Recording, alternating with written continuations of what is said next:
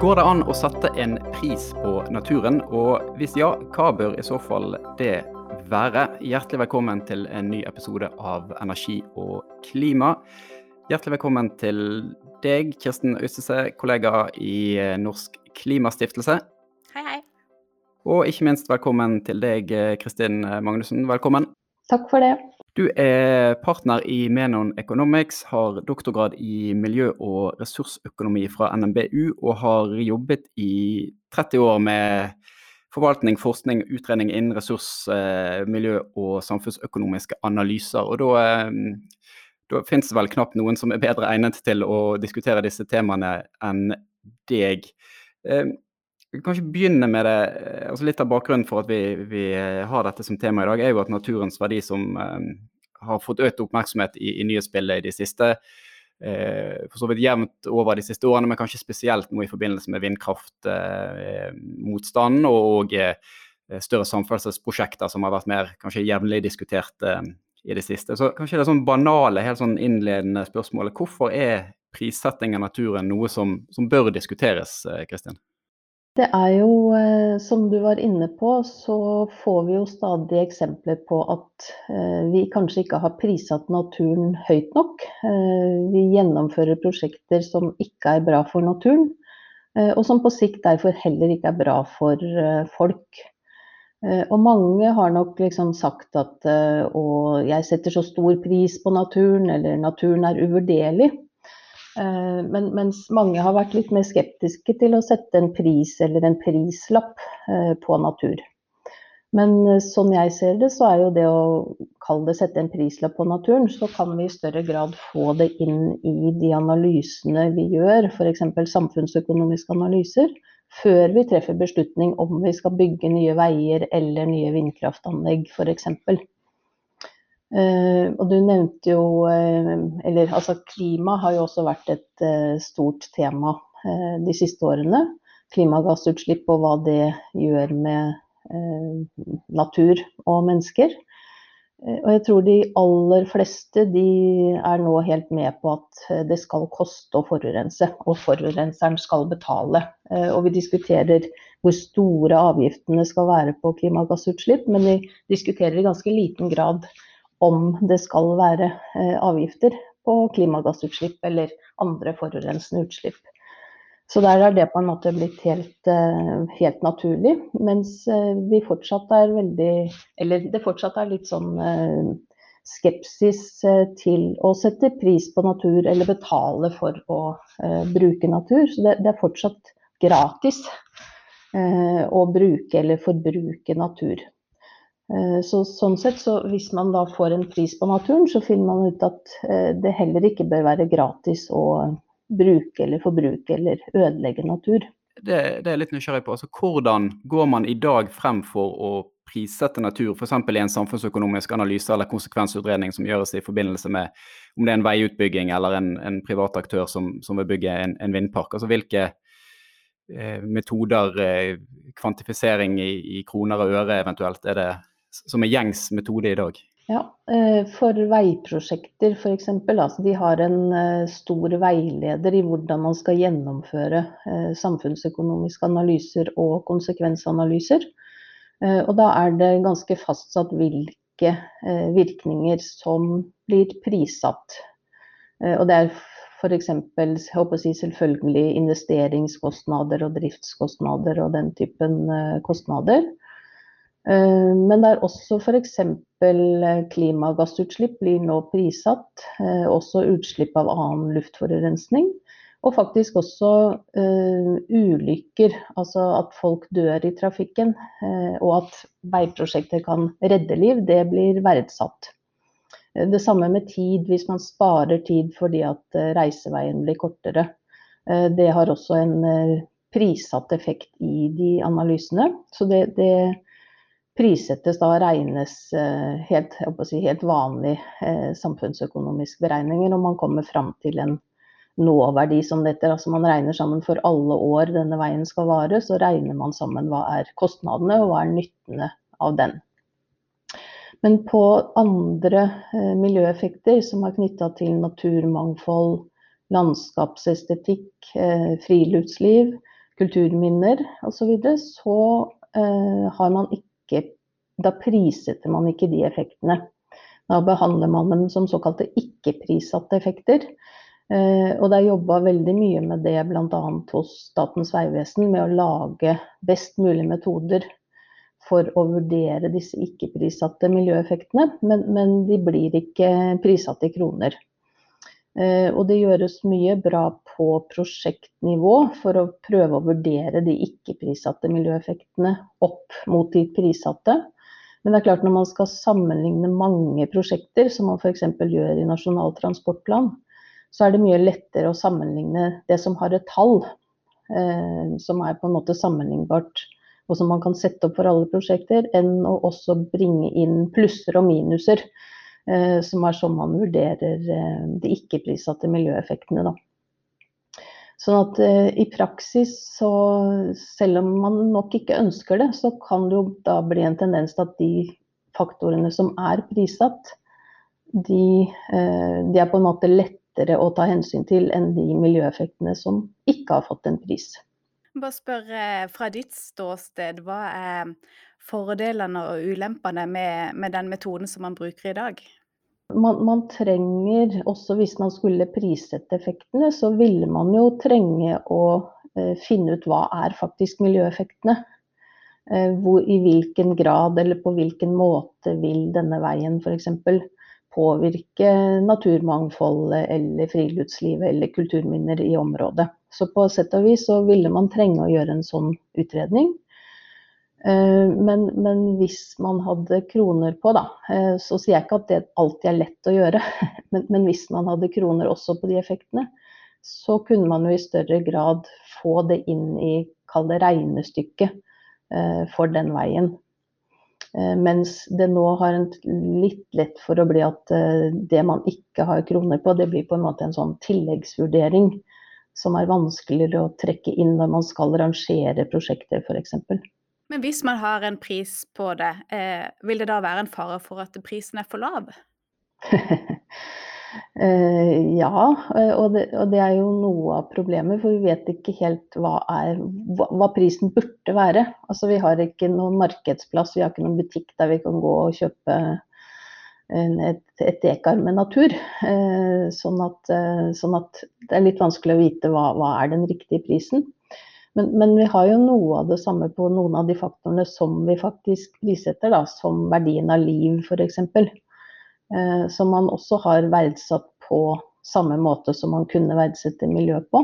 Eh, eller tid. Altså tid, har, tid i arbeidsliv har jo en pris, fordi at vi har en lønn som vi kan ta utgangspunkt i. Men, men tid på fritid f.eks. kan jo være litt vanskeligere å si hva er egentlig verdien av fritiden din. Men, men det prissetter vi da på en eh, ja, rutinemessig da, i sånne analyser. Eh, sånn at det vil jo være usikkerhet knytta til den prisen på eh, miljø eller natur. Men, men, det er jo også en usikkerhet knytta til de faktorene vi allerede prissetter i dag. Og selv, altså selv, investeringskostnadene i veier eller bygg eller jernbane er jo usikre. Eh, det ser vi jo. Det er ikke alltid de antakelsene eller de forventningsprisene våre stemmer når det kommer til stykket. Men, men, det betyr jo ikke at vi ikke prøver å sette pris og sette den, vi si, den beste prisen vi kan på det tidspunktet vi gjør analysen. Jeg er litt nysgjerrig på, altså er, det, er det ulik praksis på tvers av land eh, hvordan man ser på dette spørsmålet, hvis man, om det er i Sverige eller Danmark eller Eh, andre land som det er kanskje naturlig for Norge å, å sammenligne seg med? Mm. Det er nok uh, mye av det samme. Uh, altså det er jo uh, EU, Norge, Storbritannia, USA har nok gjort aller flest av sånne studier. Men også EU er jo ganske opptatt av å gjøre samfunnsøkonomiske analyser, og for så vidt også prissetting og få det inn i analysene. Eh, men, men, det er nok ganske mange land som, også Storbritannia, eh, har gjort eh, ganske mye. Men, men, så er det nok sånn Jeg tror ikke Norge skiller seg så veldig mye fra de fleste andre land. Da. At man, man, gjennomfører en del verdsettingsstudier for å få pris på natur, men så er man ja, litt varierende i hvilken grad man tar det inn i praktiske analyser.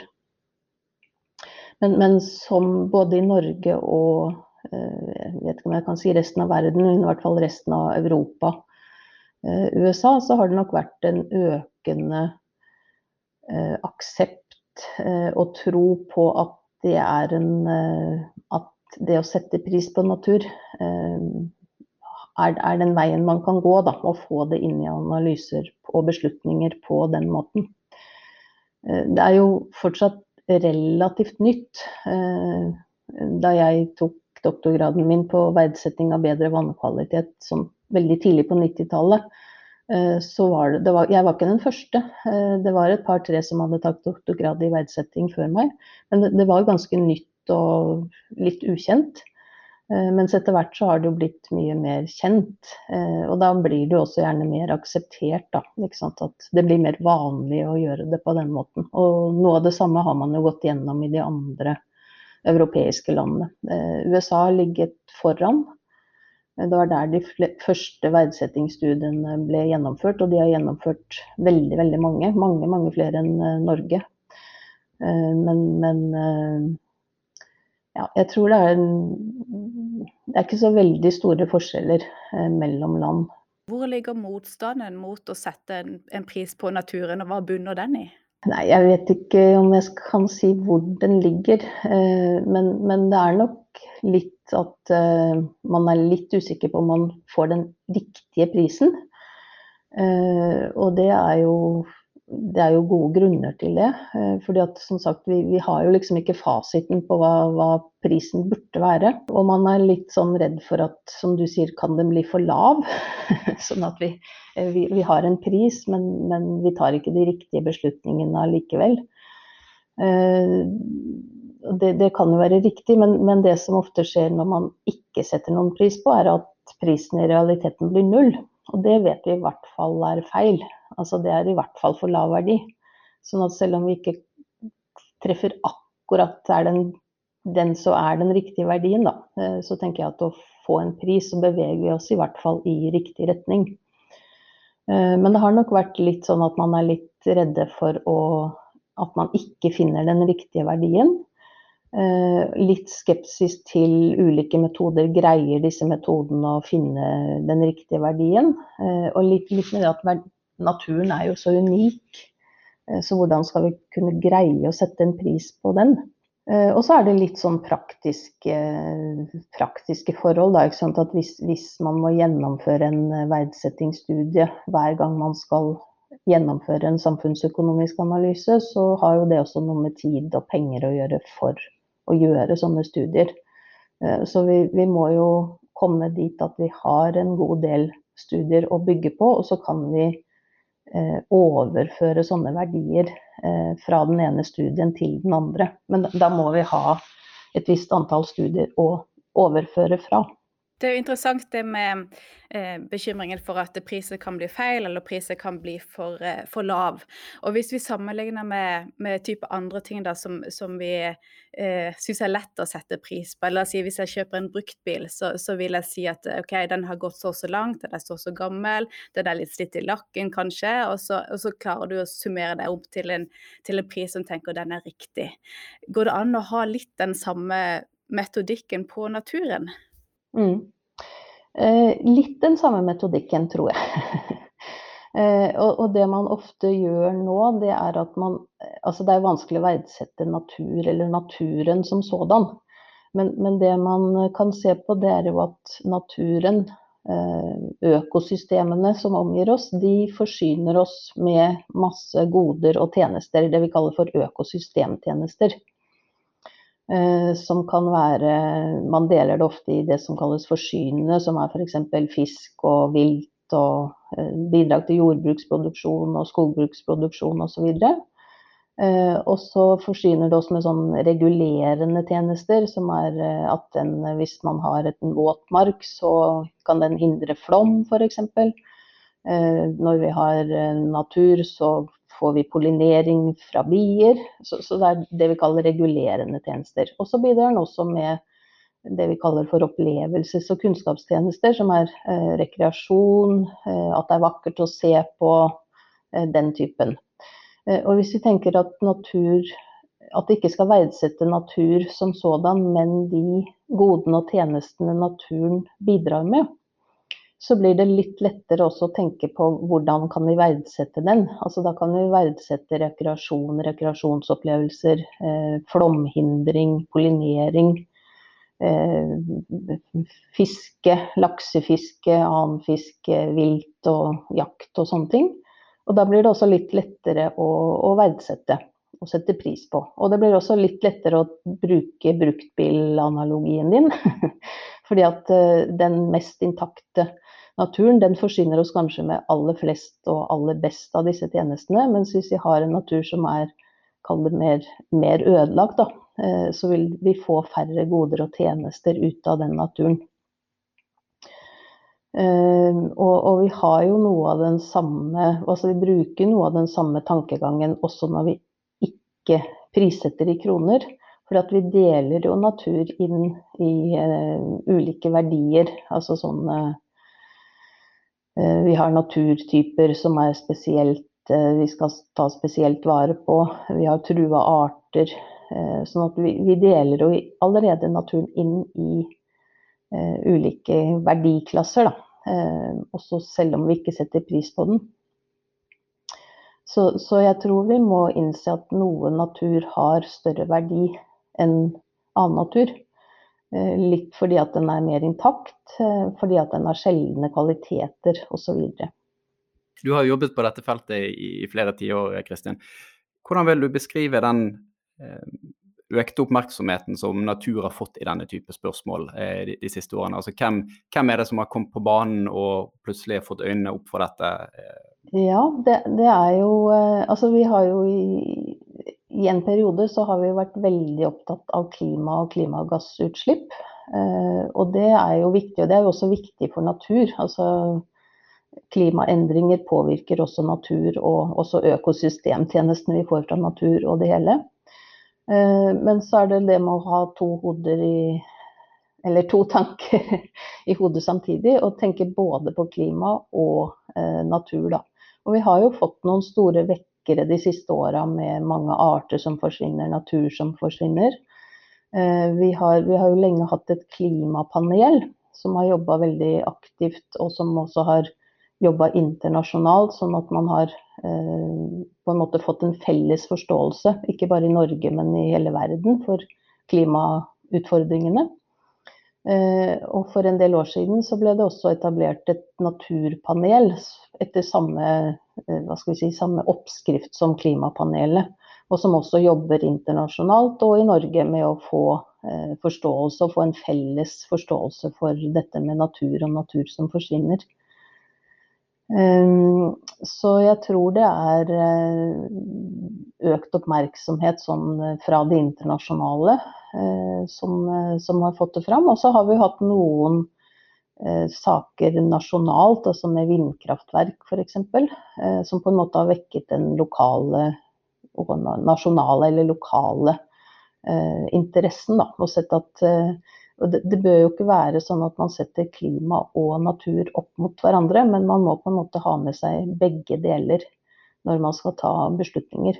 Hvis du kunne få lov å eh, bestemme fritt, sånn eh, statsminister for, for, en dag eller en uke, som man ofte formulerer det som. Altså, hva, ut fra dine tanker og erfaringer rundt det vi har diskutert i, i dag, prissetting av natur i Norge, altså, hva kan gjøre annerledes? Eh, hva kan gjøres bedre? Er det noen spesifikke grep du vil, vil peke på? Nei, det er jo det å få hva skal vi si, økologien inn i økonomien. Eh, og, og prissetting er jo et av ikke den eneste løsningen, men en av måtene man kan få til det. Da. Altså, økonomiske analyser er viktige når vi skal treffe beslutninger. Uh, og jeg er jo økonom, så jeg har stor tro på økonomiske og samfunnsøkonomiske analyser. At det gir oss et godt redskap for å velge uh, hvilke beslutninger man skal gå for, hvilke bygg, hvilke veier osv. Men, men, vi har ikke vært flinke nok, etter min vurdering, da, til å trekke eh, natur og miljø inn i de beslutningene. Og det betyr ikke at vi skal kaste eh, samfunnsøkonomiske analyser, men vi må gjøre dem enda bedre eh, til å få, få, med seg og få inkorporert på en ordentlig måte eh, også konsekvenser for natur og miljø. Eh, og da tror jo jeg, ettersom jeg har jobba med dette i 30 år, at det å, å sette en pris på miljøet eh, vil være én måte eh, å bringe det bedre inn i beslutningene på. Det har jo også vært snakka om naturavgift i flere sammenhenger. Altså at sånn som vi betaler en avgift når vi slipper ut klimagasser, Eh, så skal vi også betale en avgift, eller det skal betales en avgift hvis man eh, bruker natur eller forbruker natur. Eh, og det, det, har man, det, har vært foreslått i mange omganger. Jeg satt i et sånt regjeringsoppnevnt utvalg som skrev om økosystemtjenester i Norge i 2013, tror jeg det var. Eh, og da foreslo vi at man skulle ta opp dette med naturavgift. Eh, og så kom Grønn skattekommisjon i den siste Grønn skattekommisjonen i 2015, var det vel. Eh, og de foreslo også at man skulle gå videre med dette med naturavgift. Og jeg og kollegaene mine, vi har i flere omganger liksom sett på dette med naturavgift. Da. Det er ikke helt enkelt, selvfølgelig, og det går på å greie å finne den riktige prisen, og dermed den riktige avgiften. Men, men, så lenge det er helt gratis eh, å ødelegge natur, så vil vi ødelegge for mye natur. Eh, så også det å jobbe videre med naturavgift, at det ikke skal lønne seg og ikke skal være gratis å ødelegge natur, eh, det tenker jeg er viktig å, å, jobbe videre med. Er det gjort noen studier på hvor høy en sånn naturavgift eventuelt må være for å kunne endre utbyggingsbeslutninger eller innstillinger fra, fra ja til nei eventuelt? Det er gjort eh, en liten utredning på det i Norge som noen kolleger av meg gjorde for noen år siden. Og det varierer jo veldig mye. Eh, og det er naturlig eh, fordi at noen prosjekter er veldig lønnsomme. Og da kan man tåle en høy Da kan man også betale mye for det arealet man skal bruke, og fortsatt så er det lønnsomt. Mens for andre prosjekter som er litt mer på grensen, Eh, så skal det ikke så høy avgift til før eh, det vil tippe resultatet fra lønnsomt til ulønnsomt. Sånn at eh, altså den, den, prisen som skal til hvis pris per kvadratmeter eller per dekar, da, den varierer veldig, veldig mye for ulike typer prosjekter. og, og, ja, og det, det, skal den nok gjøre. Og vi skal på en måte ikke sette avgiften ut fra om den tipper fra lønnsomt til ulønnsomt, men hva som er den, si, den eh, riktige prisen sånn, eh, for den naturen som blir ødelagt. Og så, så, må jeg også si at uh, jeg tror jo ikke at prissetting alene er det eneste vi skal bruke. Altså vi har lover, vi har naturmangfoldlov, vi har andre lover, vi har planlover osv. Uh, og noen natur skal man ikke bygge ned, f.eks. Eh, så, så, jeg tror ikke at prissetting er det eneste man skal bruke. Det skal være noen steder skal man Altså man skal ikke bygge en nasjonalpark eller eh, Det er områder man absolutt ikke skal bygge, og da trenger man på en måte ikke prisen for å si det, mens andre områder kan eh, prising være et virkemiddel for å, for å styre utviklingen, da. Har du noe avsluttende, Kjersten? Ja, jeg bare lurer på om du sånn eh, helt avslutningsvis kan si noe om i hvilken grad det er prosjekter i, i nyere tid som er bygd ut, om det er infrastruktur eller, eller, hva som helst, der en sånn type prissetting av natur kunne gitt et uh, annet utvalg? Og hva i så fall kjennetegner de prosjektene?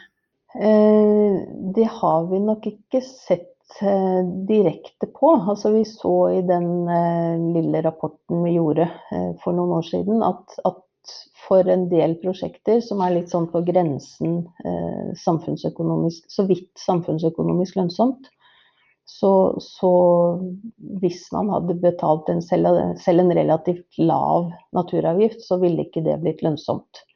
Og så er det jo ikke alltid sånn at eh, eh, altså noen prosjekter blir jo gjennomført selv om de ikke er samfunnsøkonomisk lønnsomme. Eh, så det er ikke gitt at det ville betydd at de ikke ble bygd ut. Eh, men, men, vi vet jo at det er mange prosjekter som er på grensen. Eh, og som at det kunne ha tippa, da. Eh, fra lønnsomt til ulønnsomt. Men, men, som sagt derfra til å si at det ikke ville blitt gjennomført, det kan vi nok ikke si. For det er jo ofte også andre hensyn som tas når man bestemmer seg for om et prosjekt skal gjennomføres eller ikke. Bare sånn helt, helt avslutningsvis. Du nevnte denne, altså at det finnes en stor veileder for hvordan man gjør samfunnsøkonomiske analyser i, i, i Norge, som er mye brukt i mange prosjekter. Altså, hvor ofte revideres den, eller altså, hva er liksom en eventuell saksgang for å få en tydeligere prissetting på, på naturen? Altså, pågår det et arbeid i dag, eller er det noen milepæler som kommer i gang på et eller annet tidspunkt i fremtiden? De revideres ganske jevnlig. Eh, og så er det jo litt sånn altså Statens vegvesen har en veileder som sier nokså eksplisitt hvilke virkninger som skal prissettes og ikke. Mens eh, Direktoratet for økonomistyring, som det heter, de har den generelle veilederen eh, for samfunnsøkonomiske analyser i Norge. Og de sier ikke så spesifikt hvilke virkninger som skal prissettes og ikke. Sånn at det vil være mer opp til prosjektet, da. Og så sier de at hvis man skal De effektene som prissettes, de skal behandles på den måten. Og de som ikke prissettes, kan behandles på den måten. Men, men de er ikke så klare på eh, hvilke som kan prissettes og ikke prissettes. Eh, så jeg tror nok det er, en, eh, det er en trend nå at man prøver å prissette flere og flere effekter eh, i mange prosjekter. Men, men, fortsatt så er vi litt der at vi har ikke nok, vi har ikke nok eh, priser, for å si det sånn. Eh, sånn at det, det, blir en ekstra jobb med hvert prosjekt å fremskaffe de prisene. Mens hvis vi går til USA f.eks., så har de en sånn svær database. Hvis man ser på friluftsliv f.eks., så har de en svær database over hva er en eh, friluftslivsdag med den og den typen friluftsaktivitet verdsatt til. Og så har de masse studier som ligger bak, eh, bak hver pris. Da. Eh, og vi har, vi har langt igjen før vi er der eh, i Norge. Men, men, trenden går i den retningen. Tusen takk Kristian, for at du har vært med å dele din kunnskap. Vi skal avslutte med den faste spalten Ukens eh, anbefaling. Der vi hver uke anbefaler noe til, eh, til lytterne. Jeg eh, kan starte. Jeg har tatt med meg en ny rapport fra nettstedet slash analysebyrået Climate Action Tracker, som har tatt alle de nye klimamålene som er blitt annonsert de siste ukene, og puttet de inn i kalkulatoren og kommet fram til at man nå styrer mot 2,4 eh, graders oppvarming. Eh, så det er en ganske grei oversikt over eh, utviklingsbaner og god oppdatert kunnskap på hvordan ståa ser ut akkurat nå. Kirsten, hva har du på blokken? Eh, siden vi snakker om det å sette pris på naturen, så har jeg med meg noe som ikke er helt ferskt, men en, eh, en bok som, eh, som jeg syns er veldig god. Og for de som ikke har lest den, så vil jeg anbefale å lese den. Og det er 'På naturens skuldre' av Anne Sverdrup Tygeson. Det er en liten, fin bok med 60 små historier om hvor fascinerende og kompleks og livsviktig naturen er. Kristin, da skal du få lov å avslutte med din anbefaling. Ja, jeg har lyst til å anbefale en det, det er ikke en liten, lett bok. Det, det er en stor rapport, men den heter 'The Economics of Biodiversity'. det The Dasgupta Review. Eh, og det er da Dasgupta som er professor ved universitetet i Cambridge, som har gjort en stor gjennomgang av dette med økonomi og biodiversitet. Og den, den går på mye mer enn bare prising, men, men, dette med å få økologien og økonomien til å henge bedre sammen. Det, det, er en veldig stor rapport på 500 sider som er liksom hovedrapporten, men det er også en kortversjon på 90-100 sider. Som er, og den er ganske overkommelig og veldig interessant, så den uh, har jeg lyst til å anbefale. Tusen takk igjen. Takk til deg som eh, lyttet på. Husk at du kan abonnere på Energi og klima i din foretrukne podkastspiller. Vi høres igjen neste uke.